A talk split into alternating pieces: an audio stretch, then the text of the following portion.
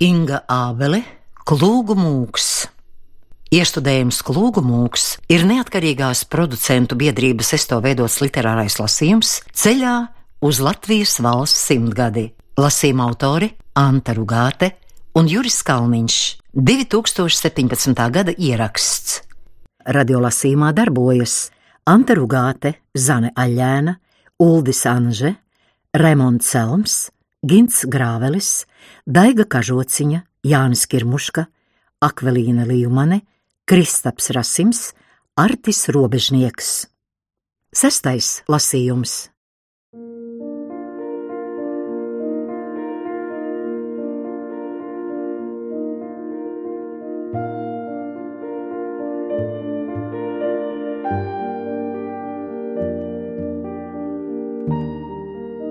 Dienvidrietumos no Kalnasalas Reizeknes plato metas stāvu kupri, kā kaķis, kurš staipās pēc snaudas saulītē. Uz šī kupra treju spēcīgu vēju sadurē virs paša asaru ezera dzirnavnieks Povuls bija nostiprinājis senas patmalas. Par viņu apkārtnē klīda nostāsts. Šis strādīgais puisis esot par sevi zinājis, ka agri jāmirst. Mazliet pāri 20. vasarai sācis nāvīti gaidīt, uz savām bērītēm noskaņoties. Bijis čakls no dzimšanas, rāvies vai pušu mūžas darbā akmenājā pie vecā muštura modesta. Strādājis dienu uz lauka, nakti rijā, dažkārt vēl ausmas un rietus pieķēris klāt, pie tam muti pratis turēt. Grāfs viņu iecienījis, un no grāfa viņam šis tas ar vien atlecis. Kad povuls sācis nāvīti gaidīt, tad viņam jau bija tīri smags mantojums ko lakatā iesietu aiz sevis atstāt. Tikai mantinieku, kam atstāt, nav bijis, jo dzīvībai viņš galīgi nemaz nav ticējis. Par tālāko, kā lai zinām, kāds šis stāsts sākotnēji bijis, ja vēlāk ļaudis ik reizi kaut ko piepušķojuši klāt un no mutes mutē atdevuši jokrāšņāku. Aptuveni tā. Kalna pakājie pie povulāna dzerauņas, kurš straujās upītes krastā spurojās izbalējusi silta kūla. Povuls kādu pavasari taisīs kāršu sētu, siedams mietus ar salmu saišķiem. Uz ceļa, kur viņš stāvējis, viņam blakus nostājies dievs. Dievs jautājis: Kāpēc tu povulu sien sētu ar salmiem, nevis ar kārklu klūgām? Nu, Kam man jātaisa tik stipra sēta, tik daudz jānopūlas? Manam mūžam pietiks arī šādas. Dievs par to ļoti noskaities un sacījis. Tad tāds tu man esi, Polu. Tu darbojies un pūlies tikai savam mūžam. Saviem pēcnācējiem par labu negribi darīt nekā. Ovuls izbijies no grandošās balss un lūkojas dievu pielabināt. Tādi jau mēs cilvēki esam, tētīt. Bet Dievs sacīs, No šodienas tu vairs nezināsi, cik ilgi tev pasaulē jādzīvo. Kādā dienā un stundā tev no šejienes jāšķiras. Ja jau tā, tad cita lieta. Tad jau var gadīties, ka es nodzīvoju kādu gadiņu ilgāk. Vadzi tad gan jāiet krūmos un jācēt klūgas. Povuls ieskrējis klūgās, Dievs pazudis atpakaļ debesīs, bet no tās dienas povula dzīve stipri mainījusies. Cārs atbrīvotājs pasludinājis Vitebskiešu brīvību, sākusies zemes reforma.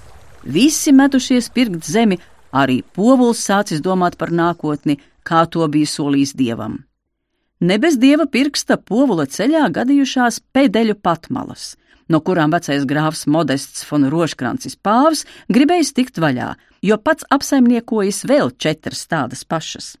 Povuls nopircis patmalas un ar savu izmaņu ātri vien dabūjis tās uz kājām. Sācis malt un bīdelēt vēl smalkāk par pašu grāfu. Bez tam baznīcā klēpī kā ābols viņam iekritusi raža. Vējpļavu jezupate, Pēc ātra gājiena rasotā vasaras svētku rītā, lakatiņu veidinādama, viņa atsēdusies uz povula ceļgaliem baznīcas priekšā, povulu pakreslī nepamanījusi.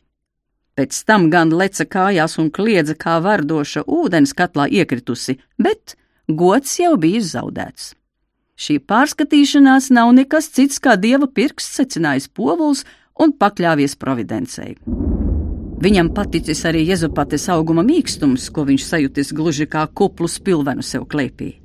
Pāris svētdienas pēc tam vēl pazakšus vērojis jezupati baznīcā, apklaušanājis ļaudis par viņas tikumu, raksturu un čaklumu, un tad jau tirga dienā piedāvājis konfektes. Jezupate konfektes paņēmusi. To vasaru precinieku netrūcis, bet viņa visus atraidījusi, kā gaidīdama kādu sev vien zināmu. Visbeidzot, kādā ceturtdienas vakarā vēja pļavu sētu pieskandinājis sudabrains loka zvaniņš. Jezupatis tēvs un māte ieklausījušies un pieņēmuši bargas sejas. Pati pazudusi aiz mazās istabas aizkara. Vispirms namā ienākuši povula nolīgti svots un svoča. Aiz viņiem pats povuls, brūtgāna kažukā, kurš ar acīm jau meklējis savu iemīļoto. Jezupate neteica nē, un rudenī tika dzertas kāzas. Dieva trešais darbs povula dzīvē bija drīzāk smalks nedarbs. Viņa piecas meitas. Povuls ilgojās pēc dēla, bet tā arī nesagaidīja. Pirmo meitu, Marcelu, viņš mīlēja visvairāk, jo tad cerība pēc dēla vēl bija stiprāka par bažām, ka nebūs. Ar katru jaunu meitu šī cerība plaka un dila kā sniegs pavasarī. Povuls uz āru neko neizrādīja, bet varēja nojaust. Tāpēc mājinieki, Jēzupate, arī Marcela, Genovefa, Agate, Felicita, Sofija centās kā varēja, lai tēvam izpatiktu. Marcela, vecākā, bija viņam visvairāk līdzīga pēc skata un rakstura. Kā miltiem noputējis lācis, viņa grozījās pa dzirnavām, rūkdama kā lācis, strādādama kā lācis, dzīrodama kā lācis. Marcela prata skaņi spēcīgi dziedāt, talkās viņu lika par pirmo balsi, bet koros par saucēju.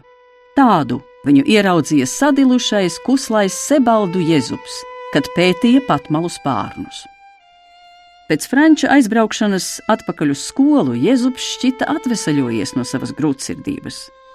Kad tēvs pēc Jākuba dienas lika aizvest rudzu maisus uz pedaļu veidzirnavām, samalt miltus jaunai maizei, Jēzus paraustīja plecus, pārlaida skatienu vienlaidu dzeltenīgajai ainavai, kur sausums bija savilcis rugainais palsas svēdras, un kā ierasts pacēla acis uz turieni, kur allažiņi gremdējās viņa skatiens uz padebešiem. Virs sila malas, šalgdamas un žēli brēgdamas, taisnas gaisa strīpas ar spārniem vilka jaunās dzērves, pašas turēdamās kā apaļas notis zem un virs apvāršņa līnijas. Viņas vēl necēlās augstu, tepat vien vingrinājās tālākiem gājieniem. Jēzus uzmeta uz kamiešiem praķi, noglāstīja sariem apaugušo zodu, pameta ar roku tēvam, kā teikdams, eh, vienalga, un iejūdza visdrebelīgāko no kleperiem. Īvai vajadzēja smalkos bīdeļmiltus salskābmaizei, un tos pāris maisus jau ar kaķi arī varēja vest. Tāds vājš, kumbru uzmetis kā mūžam pārsalis, viņš tur šalti pēc rītausmas stāvēja zem patmalu spārniem un blenza augšup uz Marcelu, kas ar spēcīgiem rāvieniem grieza veidzirnava augšējo daļu pret todien valdošo rietumu vēju. Ceļš, kas ievijās patmalu pagalmā, bija Jezupu pēc ilgiem laikiem ielīgsmojis. Augstā krauja, vēja pļaukas krustam šķērsām pātagodamas nosvidušos deniņus, līdzenums pie kājām ar tumšiem klāniem, gaiši mirdzošām ezeru atstiņām. Un tagad šī meita tur augstumos, sajauktiem matiem, stāvām, krūtīm, lāča pleciem, Marcela blenza lejā uz Jezupu un nevarēja atraut skatienu no viņa tumšo kvēlo acu pētīgā lūkojuma. Nekā diža jau tur nebija ko redzēt. Garana bāla seja, asu zots, noslīdējuši pleci, apelējis knapsieriņš. Tikai tas acis. No kurienes tāds te iekūlies? Viņa attapa, ka svārki ir pārāk augstu uzspraudīti un pleci kaili. Tur nebija nekā savāda. Tā viņa darīja allež, kad grozīja vēju, lai drānas neieķertos mehānisma zobratos. Tomēr šoreiz nebija kā allež, jo svešinieka skatiens svilināja visas kailākas vietas ar atklātu liesmu. Pārskaitusies, Marcela atlaida kuplo smago snāteni un novilka skustu zemu pār pieri. Redzēdami, ka patmalu spārni uzsāk veidināties, malēji steigšu slīd laukā no ratu apakšas vai krūmalām, kur nu kurais bija sagūluši nostausties pēc garāka vai īsāka ceļa un kārtojās rindā. Tikai bālais negribēja nekur doties. Turpat viens stāvēja un lūrēja uz Marcelu. Meiča likās, ka uz viņu, bet varbūt uz patmalu spārniem, Marcela piesarka. Maldinātājs atradies. Vēlāk pa taku garām iedama, viņa tīši izlikās Jēzupu neredzam. Jēzus kāri ieelpoja smaržu, kas veidīja ap Marcelu. Tas bija aromātu jaukums, kas likās pazīstams. Aiz kaislā sviedru smārda viņš sajūta vēsu, zilganu, rozmarīna ziedu nomierinošo smaržu, bet baltais skusts tīri tvanēja pēc vaivariņiem. Viņš apmierināti nopūtās, kā ticis tāla ceļa galā. Tajā brīdī uz patmalu apdrapušajām kāpnēm iznāca Marcelai līdzīgs cilvēks, viņas tēvs Povuls, tikpat gara auguma, taisnu muguru un stipriem pleciem kā meitai, un ar manāmu interesi ielūkojās Jēzupa sejā. Jēzus saslējās, pārvilka ar dēlnu kaistošajiem deniņiem, attapdams, ka sen ilgotā un še atrastā smarža ir viena lieta, bet nu viņam nāksies vaigu vaigā sastapties ar šīs zemes ieražu un likumu pasauli, no kuras jau labu laiku bija ar klusu nicinājumu vairījies. Te vairs nederēja zinātniskie eksperimenti. Debesiem uz zemi pagaidām bija mazs iespējas. Pasaulē valdīja nauda, slava un aizspriedumi. Tam visam tagad būs rāpties pāri kā lielajam Ķīnas mūrim un nolaupīt sev mūža draugu. Reizē laimīgs un bezgala apgrūtināts, Sebaldu Tanslava vidējais dēls stājās malēju rindā, censdamies saplūst ar raibo pūli un noslēpt drūzmā no Marcelas tēva acīm savu kriekli. Jezupam pēkšņi vairs nebija viena alga, ka atbraucis ar tik nožēlojamu klaugu, kas izskatās trīs dienas lapsām parādā. Todien Jēzus mājās atveda raibos skrošu, nevis smalkos bīdeļu miltus, ko bija pasūtinājusi māte. Īva galvu vien nošūpoja par tādu vēju nestu, un acu mirklī apjauta, ka dēlam ceļā kaut kas ir gadījies, kaut kas neikdienišķs, par ko viņa bijājās vaicāt. Jau uz nākamo ceturtdienu vēja nests izlūdzās tēvam vislabāko ērzeli, braukšot mazajās apdzirās. Jau esot sarunājis svotus, klūgu jūzi par vedēju un Miglas Pīteru par davedēju, bet braukšana pie paša pedeļu povula Marcelas. Tanslovs palika pirmā brīdī bez valodas. Pēdeļu patmalnieki ar savu zobgalīgo atraidīšanu bija plaši pazīstami tālā apkārtnē. Tanslovs apbrīnoja tādu jezupa drosmi. Neviens vien bija metis acis uz povula meitām, bet svotos uz to lāču migu brauci tikai retais, un nu Jēzus, kaķa dvēsele, brauks pie lielās Marcelas precībās. Aptracis! Tikpat labi viņš varēja bildināt vētru. Tānslavs to svētdienu svētajā misē sēdēja neparasti kluss. Viņš nesaprata, ko darīt. Tencināt Māra zemes karalieni par to, ka tā atdevusi dzīvības spēkus viņa dēlam, vai žēloties, ka atņēmusi pēdējās saprāta druskas. Tā arī pie skaidrības netika. Tāds pats kā ienācis, no baznīciņas arī izgāja. Bet Jēzus mērķiecīgi smērēja goda linēkai asis ar degutu, piebāza ar sienu sēžamos maisus, piebēra lina kuļa rauzām, bet kāzu uzvalka sveitas kabatas ar cukerkām bērniem. Viņš arī vāca un darināja dāvanas līgavas dzemdinātājiem un pašai līgavai. Zirgam tāpat bija nepieciešami iemaukti ar zvārguļiem un krāsainām lentēm izpušķots loks. Jaunās kurpes čīkstinādams, Jēzus staigāja pāri pagalmam kā uz atspērēm un satraukti raustīja cepures spožo nagu. Vecie pedeļi tobrīd dienišķoja.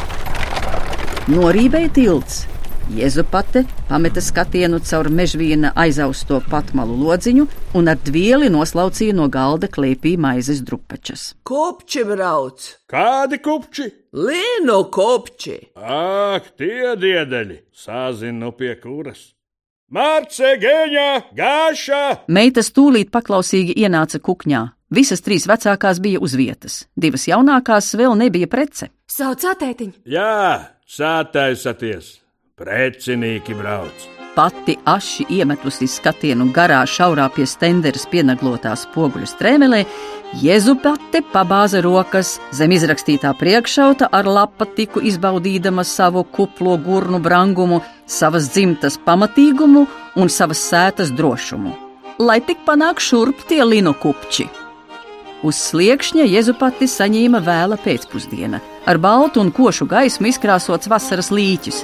Pēc brītiņa Jēzupatei blakus nostājās povuls. Ar kārību viņš nolūkoja tumšo sarķi ar melnajām izpušķotajām krēpēm, kas brīdi pa brīdim izrāva galvu no grožu važām un mutes dzelžus džingstinādams, mīņādamies laida vaļā savas ērzeliskās bazūnas. Satraukti smalkā balsī viņa taurēm ikreiz atbildēja povula ķēvju pulks aplokos pie ezera. Jā, tāds ogers arī povulam patiktu. Viņš bija spiests sev pašam negribīgi atzīt, ka labprāt būtu pielējis savam ganāmpulkam izslavēto sebaldu risaku asinis. Noraudzīties notiekošajā iznāca arī pusaugu meitenes, Feļa un Zose. Viņām šīs mazās apdziras bija jau ierasts teātris. No sākuma viņas bija domājušas, ka nemitīgi nomaldījušies linu kupči, caunu mednieki ir prātā sajukuši dzedzējuši, bet tagad jau sāka izprast rituāla būtību. Meitenēm bija žēl, ka šis teātris netika tālāk par slieksni. Precinieku zirgi patmalu sētā nekad vēl nebija izjūgti, lai kā vecākās māsas pucējās un sukājās. Pasmīkļošana par velti. Lai būs pagodināts kungs Jēzus Kristus! Sacīja Miglas Pīters, izkāpdams no dīdīgās droškas, kā no laivas uz cietas zemes. Klūgu jūze tikko valdīja grožus. Vēl ratos sēdēja pats Jēzus.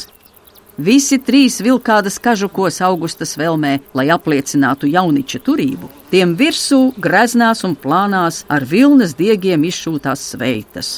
Jēzupu ieraugot, Abi vecie pedeļi saskatījās un saviebās.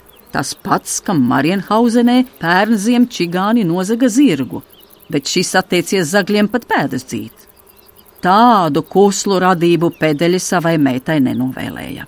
Mūžīgi mūžam āmen! Povuls ar jēzu pati atbildēja un gribēja jau skaļi aizcirst aiz sevis durvis, kad feļa kaut ko pamanīja linēkas aizmugurē un paraustīja vecākus aiz piedruknes ar acīm norādīdama uz dīvaino priekšmetu. Tas bija ar puķainu lakatu apklāts, nenosakāmas formas, sasaistīts ar sarkanām lentēm. No arī vecos savalgoja ziņkāri. Viņi saskatījās. Ko tad jūs tādā karstumā kažukūs? Esam medinieki. Mēs caunas pēdas dzenam. Nu, sadzinām šajā sētā, dodiet mums caunīti.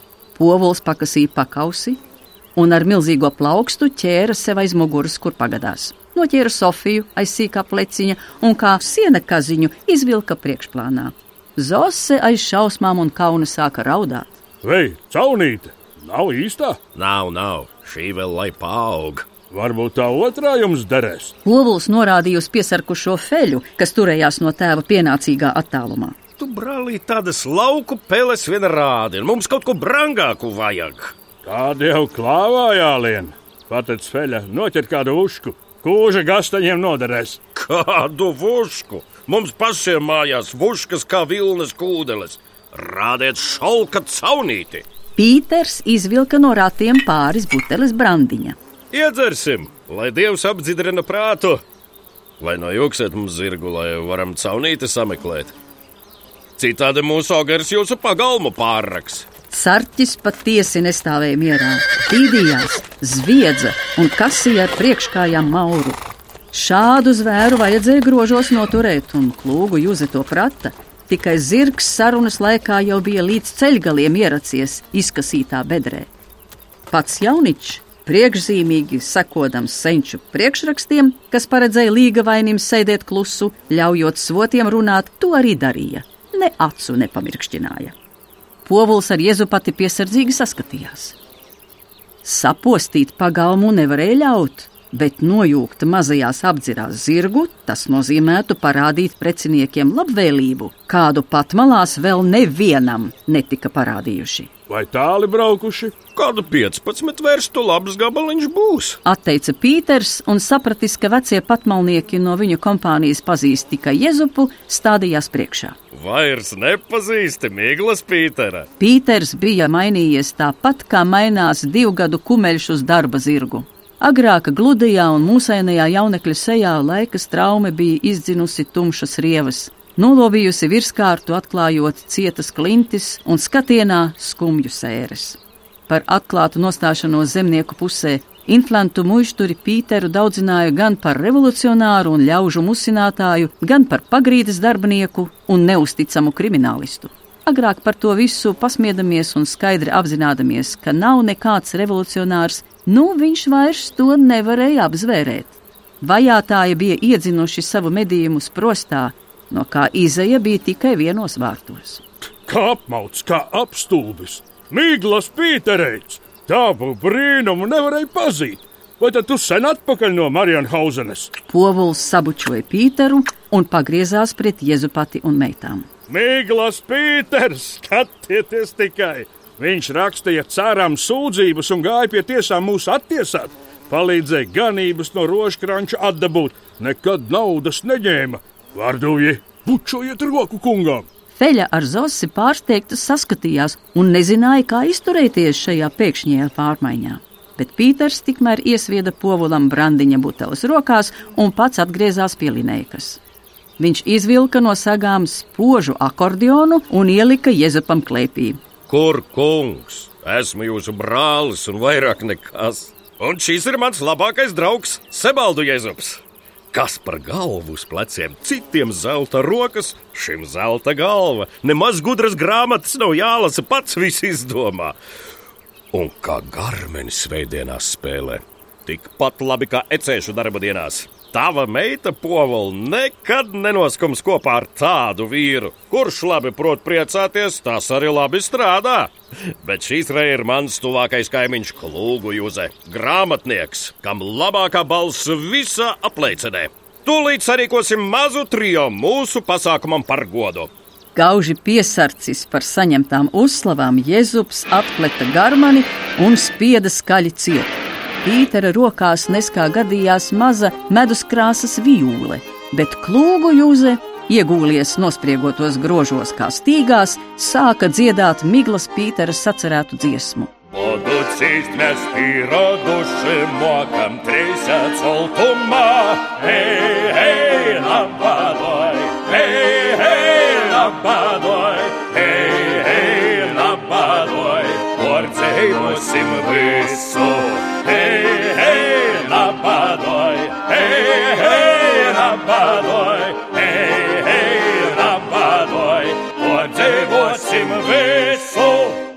Viņiem laiku pa laikam piebalsoja sarkanais ērzelis ar savām varanajām bazūnēm.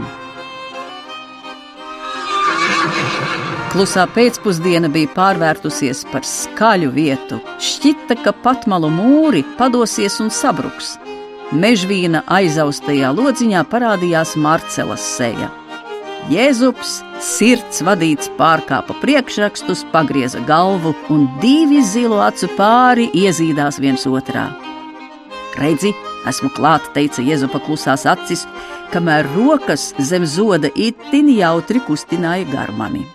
Marcelē nodarbēja skropstas, viņa pazuda no lodziņa. Kad dziesma noklusa, visi trīs precinieki, kā sarunājuši, norausa sviedrus. Jūs jau tekat kā upe zem tiem kažukiem.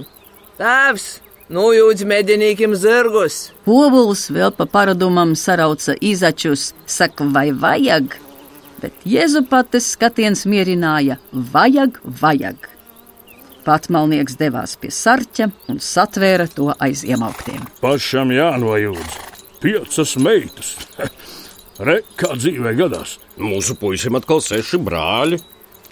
Par to atkal jūsu meitai būs ko saimniekot. Māte jau paveca, bet saimniecība laba. Govis kā lāvas, cūkas kā līņi, zirgi, paskat vien. Grožos nenoturēsi, pātagu pat sapņos nerāda. Zeme kā zīds, akmeņi nolasīti, augļu dārs ar savām bitēm. Ko nu es te stāstu? Sebaldu sētas labumus jau zina visa O, pasaule. ejiet, ejiet istabā. Tur runāsim par lietu. Prr, stāvi! Visi jūs lieli ļaudis, tikai par līgavaini nav ziņu. Jēzus ierāva galvu kažuka apkaklē, kad povuls uzmeta viņam savu greizo skatienu. Un tomēr bija jāslienas kājās, jākāpj no linēkas laukā, kaut vairāk par visu gribējās izraut grožus, pagriezt zirgu un mukt. Nekā no viņa nebija. Paviegls kā pelava, mākoņu stūmējs, sapņu piļu cēlājs. To Jēzus apzinājās it labi, tomēr tur, patmalu dziļumos, bija viņa marcele ar savu vēso rozmarīna dvēsmu ap spodrijām vaigu bedrītēm. Viņas dēļ šoreiz nedrīkstēja mukt. Un viņš iztaisnoja muguru un devās iekšā. Kamēr povuls nojūdza zirgu un piesēja pie slitas, trīs precinieki noklāja patmalu kukņas galdu ar labumiem. Tur bija alus buciņa, vaskaini mirdzoša kā medus kanna un brandiņa butelītes. Bet povuls kļuva drūmāks un drūmāks, līdz pēkšņi sita ar dūri pa galdu. Tu ņem tu manu mārcīti. Tavi darbi zināmi, tava doma skaidra, bet šis kas par putnu? Stāsta viņam Jelgavā apjucis prāts. Jēzus sēdēja skatienu nolaidis. Briesmīgākais mirklis viņa dzīvē. Arī Migls Pīters apmulsa. Kā lai vienā vārdā pasaka, kas ir sebaldu jēzus pret tiem, kam prāts pie zemes piesiets? Nē, mums par to spriest, broļi. Kad es precējos 18 gadu vecs jaunīts ar Annu Meikstumu un uz Osiņu salas, galvenais bija, lai viņa mani neizmādē no pirmās pazavēršanās. Tad būs dieva svētība kā mums 11 bērnu. Es jums teikšu tā, visu pārējo par naudu var nopirkt, bet patiku par naudu nenopirksi. Ja nebūs patikas vienam uz otru, tad labāk pie laika taisīties katram uz savu pusi. Kur tad ir jūsu daļaviņa, ko? Sauciet šurp! Feļa un Zose kaktā pie cepļa klusu spurts un sarka. Skaļi smieties jau nedrīkstēja. Vecāki nokauninās un izraidīs par to vien, ka šādus vārdus dzird runājam. Sētā ir visas trīs, kur citur. Nezinām tikai pēc kuras dzenaties. Ejiet šurp, Mārgus, ejiet! Puisis jums atbrauc! À, ar sirdi vien tur netiks cauri. Daudz ko pateiks arī tas, vai jūsu puisis ir lietas koks. Vanējās ir Marceli, Genovefa, Jāgate, Daiļas, bagātas, kādi koši cimdi un zeķes, nenobrīnīties, mežģiņoti galda un gultas pālāgi, roku, mutes dvieļi, jostas spilvendrānas, vilnas segas, līnu audekls veseliem baķiem, gluds kā ledus, smags kā medus. Trīs māsas iznāca no istabas klusas un atturīgas. Baltās blūzītēs un pašaustos strīpainos brunčos, tomēr atlika viņām pacelt acis, kad uzreiz tapa skaidrs, kuri divi šeit ir īstenie jauniči un jaunive. Un tas nebija tāpēc, ka Marcelas vaigu gali tūlīt kļuva sārtāki par rozēm aiz loga, vai tāpēc, ka Jēzus nobālēja baltāks par sniegu un uz marci skatīdamies kodīja savas ledus augstās lūpas.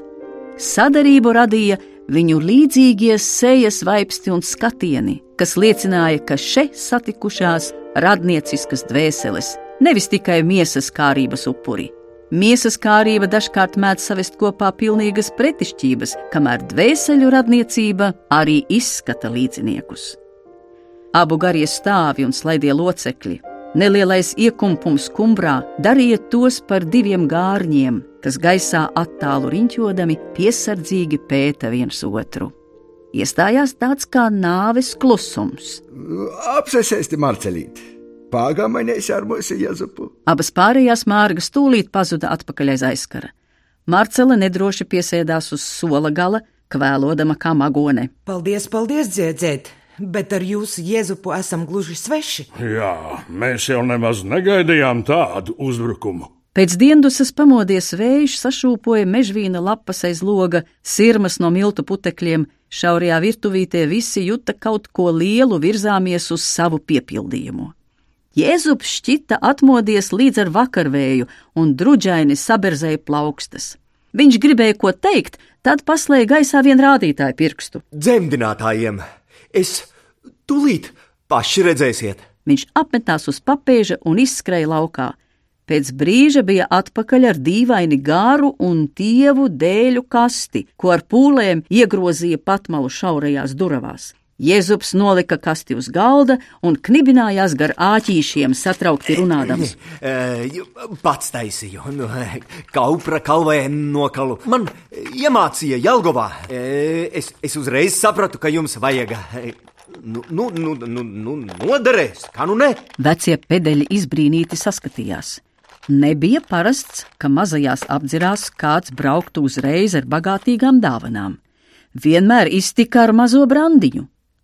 Tur vajadzēja būt pārliecībai, ka precinīku zirgus noteikti nojūgs.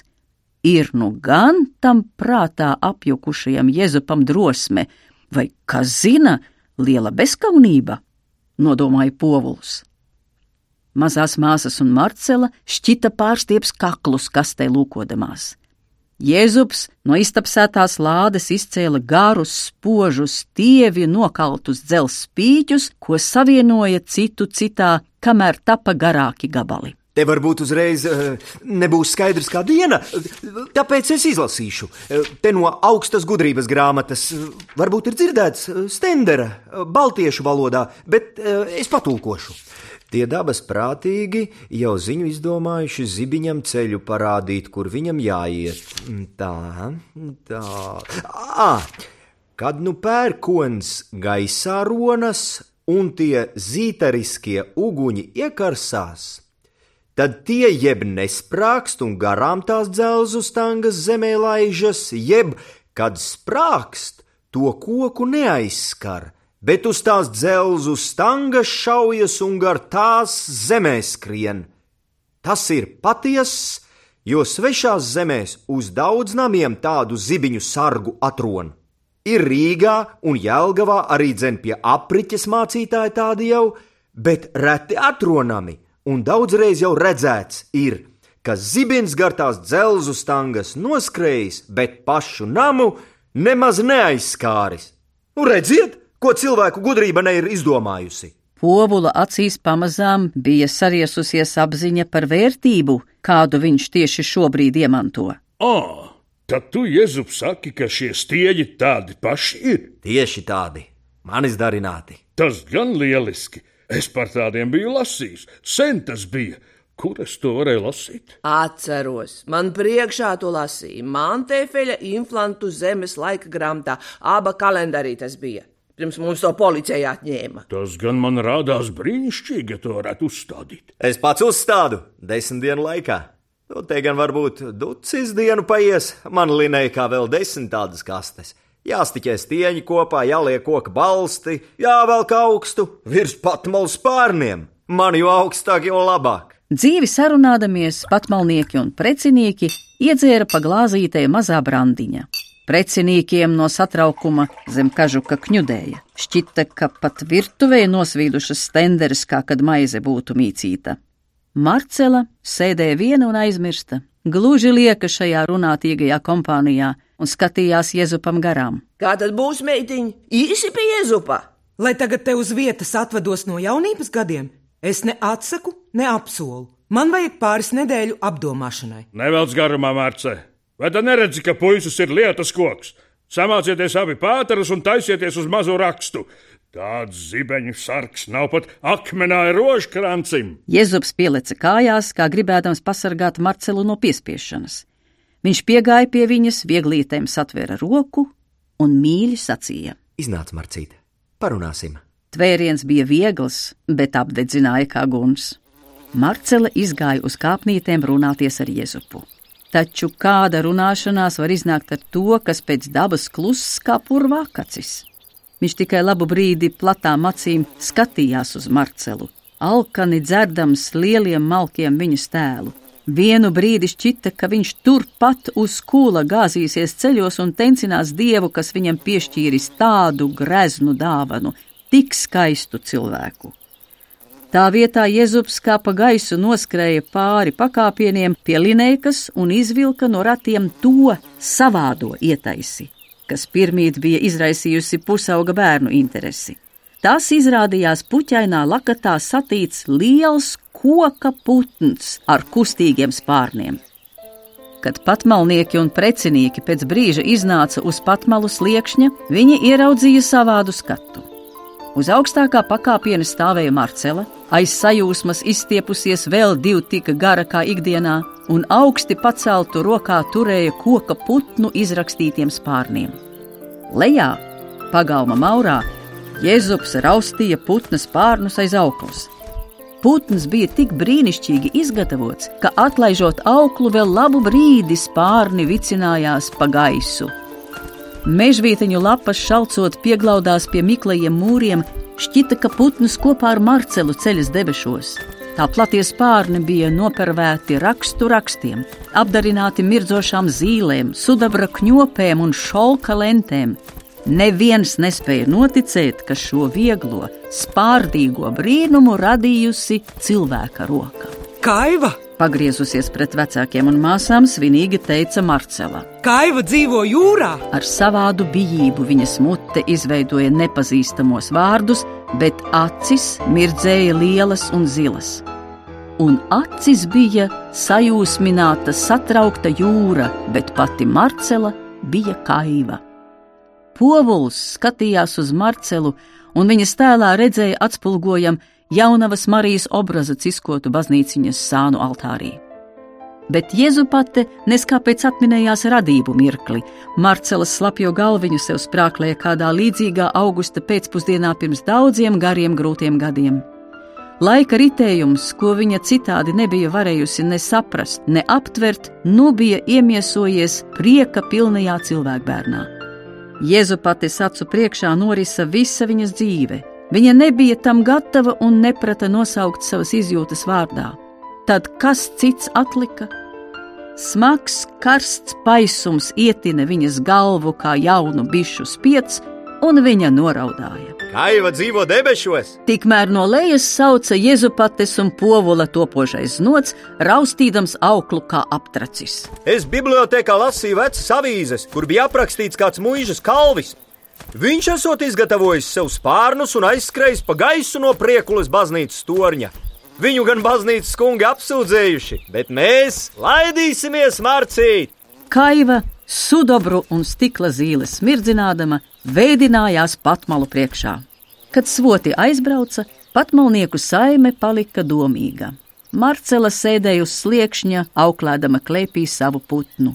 Mazās māsas, iekritušas vecāku lielajā gultā, skuma. Būs gan tev jāatvadās no savas jaunības, šņukstēja Sofija. Un viss tikai tā smiekla gabala dēļ. Viss tikai tā smiekla gabala dēļ. Jautāts par kāzu datumu, Jēzus atteicās laist garām ziemu un domāt par pavasari. Pavasaris ir badalaiks. Katram zināms, ka labākais kāzu laiks ir četras nedēļas priekš, pēc visu svēto dienas viņš atkārtoja vecu patiesību.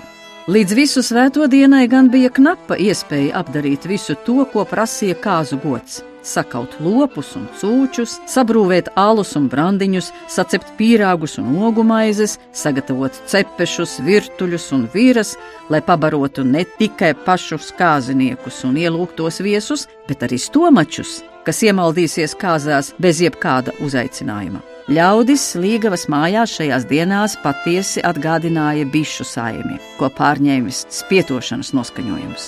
Atšķirība tikai tā, ka no bišu kūzeliņa spietojot dodas prom vecā bišu māte, bet te uz citu vietu gāja jaunā. Jauniči apmeklēja draudzes baznīcu un pieteica Dominikusa pēctecim pūļu tautības baznīcas kungam Kovaļevskim laulību. Ambonā stāvēdams, Draudzes prāvests trīs svētdienas pēc kārtas darīja pasaulē zināmu, ka Sebaldu Jēzus un Pedeļu Marcela ir lūguši viņus salauzāt.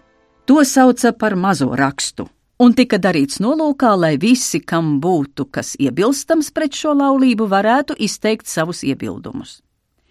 Iebilstams nevienam nekas nebija. Visi berzēja rokas laimē uzzinājuši vietu, kur drīzumā varēs līdz kaklam pieēsties un piedzerties. Pēc aizdzerībām nākamā sestdienā patmalnieki bija aizbraukuši uz Kolnasolu vietrauģos, izlūkot, kādā bagātībā vai nabadzībā tiks ievesta viņu meita, un laist vai nelaist Marcelu pie tā raja putna, kā viņu kopš mazajām apdzirām sauca Jezupu. Povuls un Jezupate pēc redzētā palika apmierināti. Jā, ir gan tie sebaldi. Uztur pastu, uzpērk mēžus, bet kādas mājas, tur ir ko saimniekot. Četri dēli jau esot apprecējušies un nošķīrušies, saimniekojot savā šņurēs, Jēzus esot piektais, sestais, Francis, Pīcerī, studierē par baznīcu kungu, bet jaunākais Konstantīns, vēl 14 vasaru puika, aizdots uz Rjasnes skolu. Ēkas izskatoties kā pusmuižas, ja ne muižas, zeme esot učastkas piecas, saime liela, visi čakli strādnieki. Patmalnieki atgriezās mirdzošām acīm.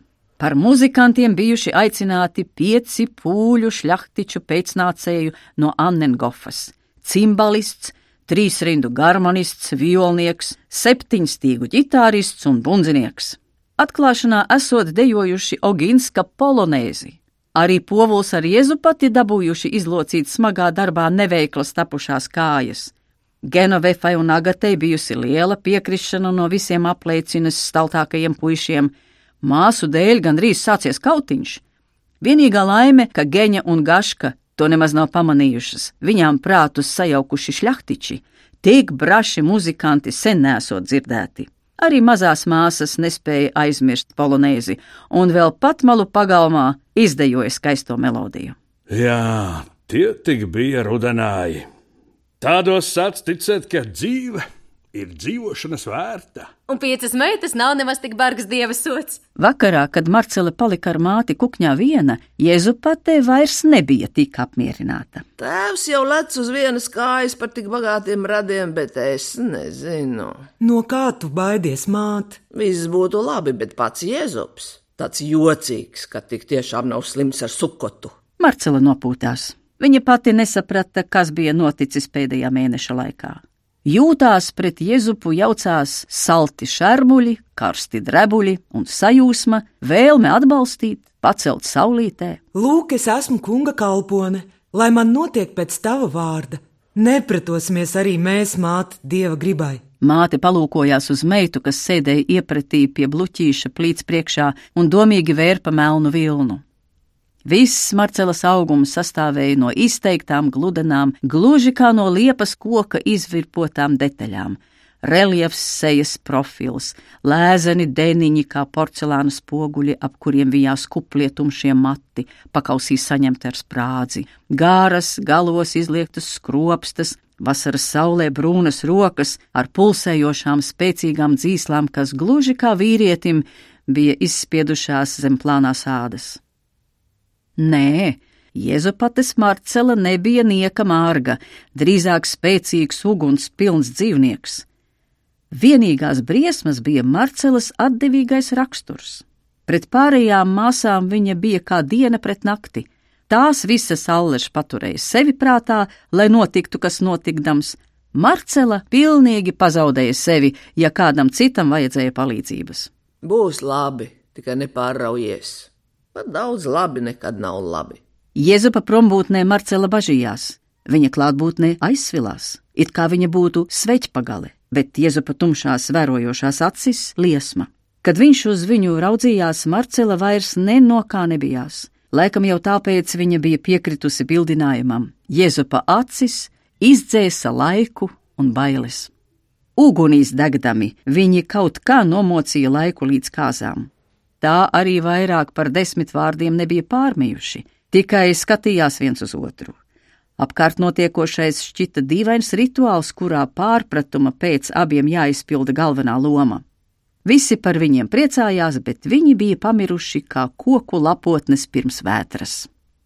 Kāzās Marcelē vajadzēja turēt pie rokas ap 30 pāru cimdu, dalīt visiem sākot ar baznīcas kungu, beidzot ar aitu ganēm, lai viegla dzīve. Paldies Dievam, ziemās viņa nebija slinkojusi, un lielā pūra skrīne bija ar grūtībām paceļama. Bez tam vajadzēja sarunāt divas družbas - Līgavas un Līgavaņa draudzes, kas atbalstīs un palīdzēs jaunajiem kāzu norisēs, kā arī sakopt abus svinību namus - meitu galu un puišu galu. Ar nepacietību abi jauniči gaidīja laiku, kad beidzot varēs viens otram pieskarties kā karsta straume apkārt mutuļoja šīs gaidīšanas laiks. Bija jābūt uzmanīgiem, daudz upuru jānes savai sirds nepacietībai, lai nedotu iemeslu ļaunām un izsmējīgām ļaužu runām.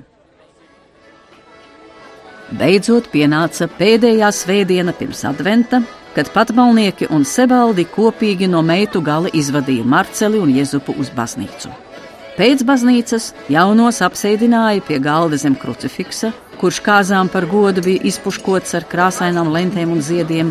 Viņiem blakus sasēdināja jauniča brāļus un jaunības māsas, lielākus un mazākus radus, kas ēda, dzēra un cēlās prom, un to vietā nāca sēdās un ēda citi, kamēr arī tie pieēdās. Un tad nāca nākamie, un tā bez gala un malas līdz pašai vēlai pēcpusdienai, kamēr visi bija apmierināti un pēduši. Šī kustība atgādināja jūras viļņošanos. Viļņi vēlās cits pēc cita, uznāca, saplīsa, uzmestami jaunajiem prieka putu šalti un atkāpās, atkal mīdamies ar citiem viļņiem. Nepārtrauktajā viesu straumē smaidīdama, citiem līdzi dziedādama, dzerdama un ēzdama, Marcela sagura, bet to jau nedrīkstēja izrādīt. Galva viņai zumēja kā kameņu perēklis. Pēdējā doma bija to atstājusi, un prātu pilnībā aizpildīja tikai notiekošais. Vairs nebija divu pasauļu, tās ārējās un viņas pašas Marcelas. Kad Marcelas redzes lokā ieslīga Jēzupa tumšās, vērojošās acis, Marcela saprata, ka Jēzus ar vienu rokas vēzienu ir nodzēsis viņas pasauli un sveika palikusi tikai ārējā Jēzupa pasaule. Vakarpusē pārguruši kāzinieki sameta dāsnu pagastu līgavainim un veda jaunos uz klēti guldīt. Visi viesi, abas družbas, nāca garā rindā pavadīt, arī šļaktiču muzikanti ar savām dziesmām, spēlēšanu un trokšņošanu. Biezās kleitas durvis beidzot aizcirtās un noskrapstēja atslēga. Cilvēku balsu ņudzeklis attālinājās, kā kamols prom aizvēlās mūzika. Jaunive un jauničs izbijušies skatījās viens otrā lielām acīm. Klusumā kaut kas bija jāsaka, bet abi aplaizīja pēkšņi sausas kļuvušās lūpas un neteica ne vārda. No sākuma aptumšotā telpa abiem izlikās drūma un sērīga, Kad acis pierada pie pakrēšļa, Jēzus ar Marcelu ieraudzīja uz apaļkoku grīdas plāna vidū saklātu Tanslova dāvanu - platu, baltu bērzu gultu ar bieziem galvas un kaigaļiem ar spraišļotiem sāniem. Tādā gultā varēja dzīvi nodzīvot, to saprata abi. Pie gultas dega liela resna vaska svece ar balta šolka pušķi ap viduci, izslējusies kā mārša, Turpat stāvēja arī kubuliņš ar skaidru ūdeni un vara čarpāks dzeršanai. Viņi vēlreiz saskatījās. Jēzus pēkšņi pacēla roku un pieskārās Marcelas deniņiem. Salta šārmas noskrēja pār sprandu, un viņa neviļus nolieca galvu. Tad, kā atmodušies no burvju miega, kā auļodami viens pie otra zirgos caur tukšu milzu katedrāli, Viņi metās viens otram pretī, it kā pēkšņi būtu saplīsis viņu šķirošs stikls vairāku gadsimtu garumā. Jēzupa trīsošās rokas cīnījās ap Marcelas kāzu kleitas korsetes podziņām, kuru baltās rozītes trūka un juka viņa saujās. Marcela satvēra vīrieša galvu un pievilka sev klāt dziļi ieelpodama matu smaržu, tad laida rokas uz leju gar iezupa augumu un instinktīvi skāva viņu cieši pie saknes, tvērās tur, kur viņš šobrīd bija vispilnākais, visvairāk piebriedis kauss. Jēzus ievaidējās un atstāja mierā kleitu. Podziņu bija tik daudz, ka nekādu cerību līdz rītam atpogāt. Viņš cēla un cēla un cēla balto drānu, volānu pēc volāna, pinās šolka apakšbrunčos, lauzīja no vaļa bārdas plāksnītēm sadiegto kleitas karkasu, līdz beidzot ticis pie miesas, noplēsa zeķturus no spēcīgajiem gurniem, izlobīja gurnus no smalki izšūtajām atlasa biksītēm. Jēzus uzsēdināja Marcelu uz bērskoka gultas gala un mēģināja dabūt viņā iekšā to, pie kā viņa tik izmisīgi turējās, bet Marcelas miesa nepadevās. Tā bija tikpat spēcīga kā Marcelas gars. Viņš nojauta, ka vēl dabūs pacīnīties, lai nezaudētu cieņu pats savās acīs visu pirms. Jēzus apsēdās uz gultas malas ar Marcelu klēpī, viņi pūlējās un cīkstējās, bet panākumu nebija. Marcela visu laiku turēja viņa pipku rokā kā ūdensrozi ar gludu vēsu kātu, kā lokanu čūsku. Sviedru tērces spīdīgi pludoja gar kakliem oktobra vēsuma pielietajā telpā. Visbeidzot, abi elzdami pamira gultā uz krāšņiem sagas rakstiem, kā ezerā peldus uz muguras atmetušās divas pasakainas būtnes. Krūtis cilājās, un elpu garaiņi kūpēja inflantīs degoši pelēkajā rudenī. Robainās, smagās klēts grieztu sijas, grima baltā miglā. Viņi bija pārāk satraukušies, pārāk sakarsuši, lai cīņai būtu kāds rezultāts. Pēc atelpas Jēzupam radās pacietība pavelties sānis mīksti kā kaķim. Viņš klusi un ilgi ar pirkstu galiem pogāja vaļā Marcelas sukni. Sveces vaskainajā gaismā izšķīlās viņas krūtis, kā mīksti balti pūpoli ar tumšām, cietām zīdekļu cepurītēm. Kad Jēzus pieplaka tiem ar lūpām, Marcelas miesa ar kliedzienu atvērās. Jēzus jau bija uz viņas, un arī viņā ar pēdējām prāta paliekām, nirdams baudā, ka satrakotā nelaikā viņš kliedza: Te nu ir viņa mūžība! tas, ko viņš visu mūžu ir alcis, un tas, kā viņam nekad nebūs gana. Te ir viņa debesu tīrumaine, viņa ciešā zeme un karstais gunsgrēks. Satraukta, zilā augstumā pacēlusies stihija, ko viņš burādams burā, ko viņš mirdzēdams kuģo, viņa zvaigžņu deķis, kas skrien pa gaisu vējā laists, simtu verstu dieniņā, divi simti nakstiņā, ar ziemeli cīnīties. Tā viņa to nakti neaizmiga. Rīts atvēlās no aizezera ar vēsu, drebošu gaismiņu, ko pēkšņi pārcirta pamodušos kāzu viesu ālēšanās. Akas vinda džerkstēja, salds ūdens skaloja karstās galvas, atkal organizējās muzikanti, kukarkas, družbas, panokši un stomači. Vispirms paģiru rūkums un izspūrums, nelaba duša, miglainas galvas, salāpīšanās, pēc tam bezdomu telpa un trīsošas sirdis, mūzika un brandiņš, ols un visādi žarti, kas cēlās pieauga skaļumā un kopā ar smiekliem un neizturamu troksni atsita klēts durvis ar skaļu brīkšķi vaļā un apžilbināja jauničiem acis.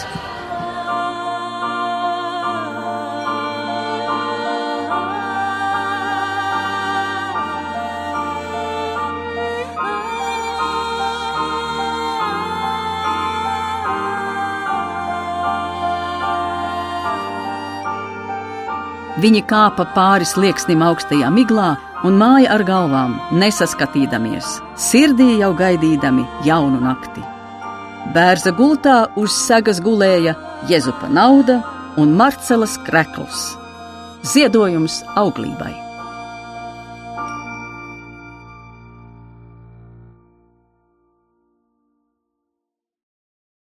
Izskanēja Latgales Latviešu kongresa un Latvijas valsts simtgadē veltītais Inga Sābeles romāna Klūgu mūks, Latgales radio lielieskaņojuma sestais lasījums.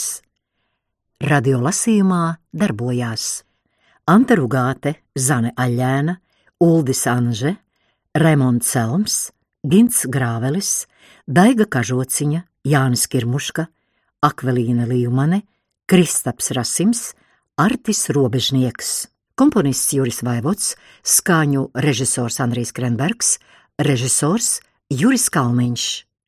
2017. gada ieraksts.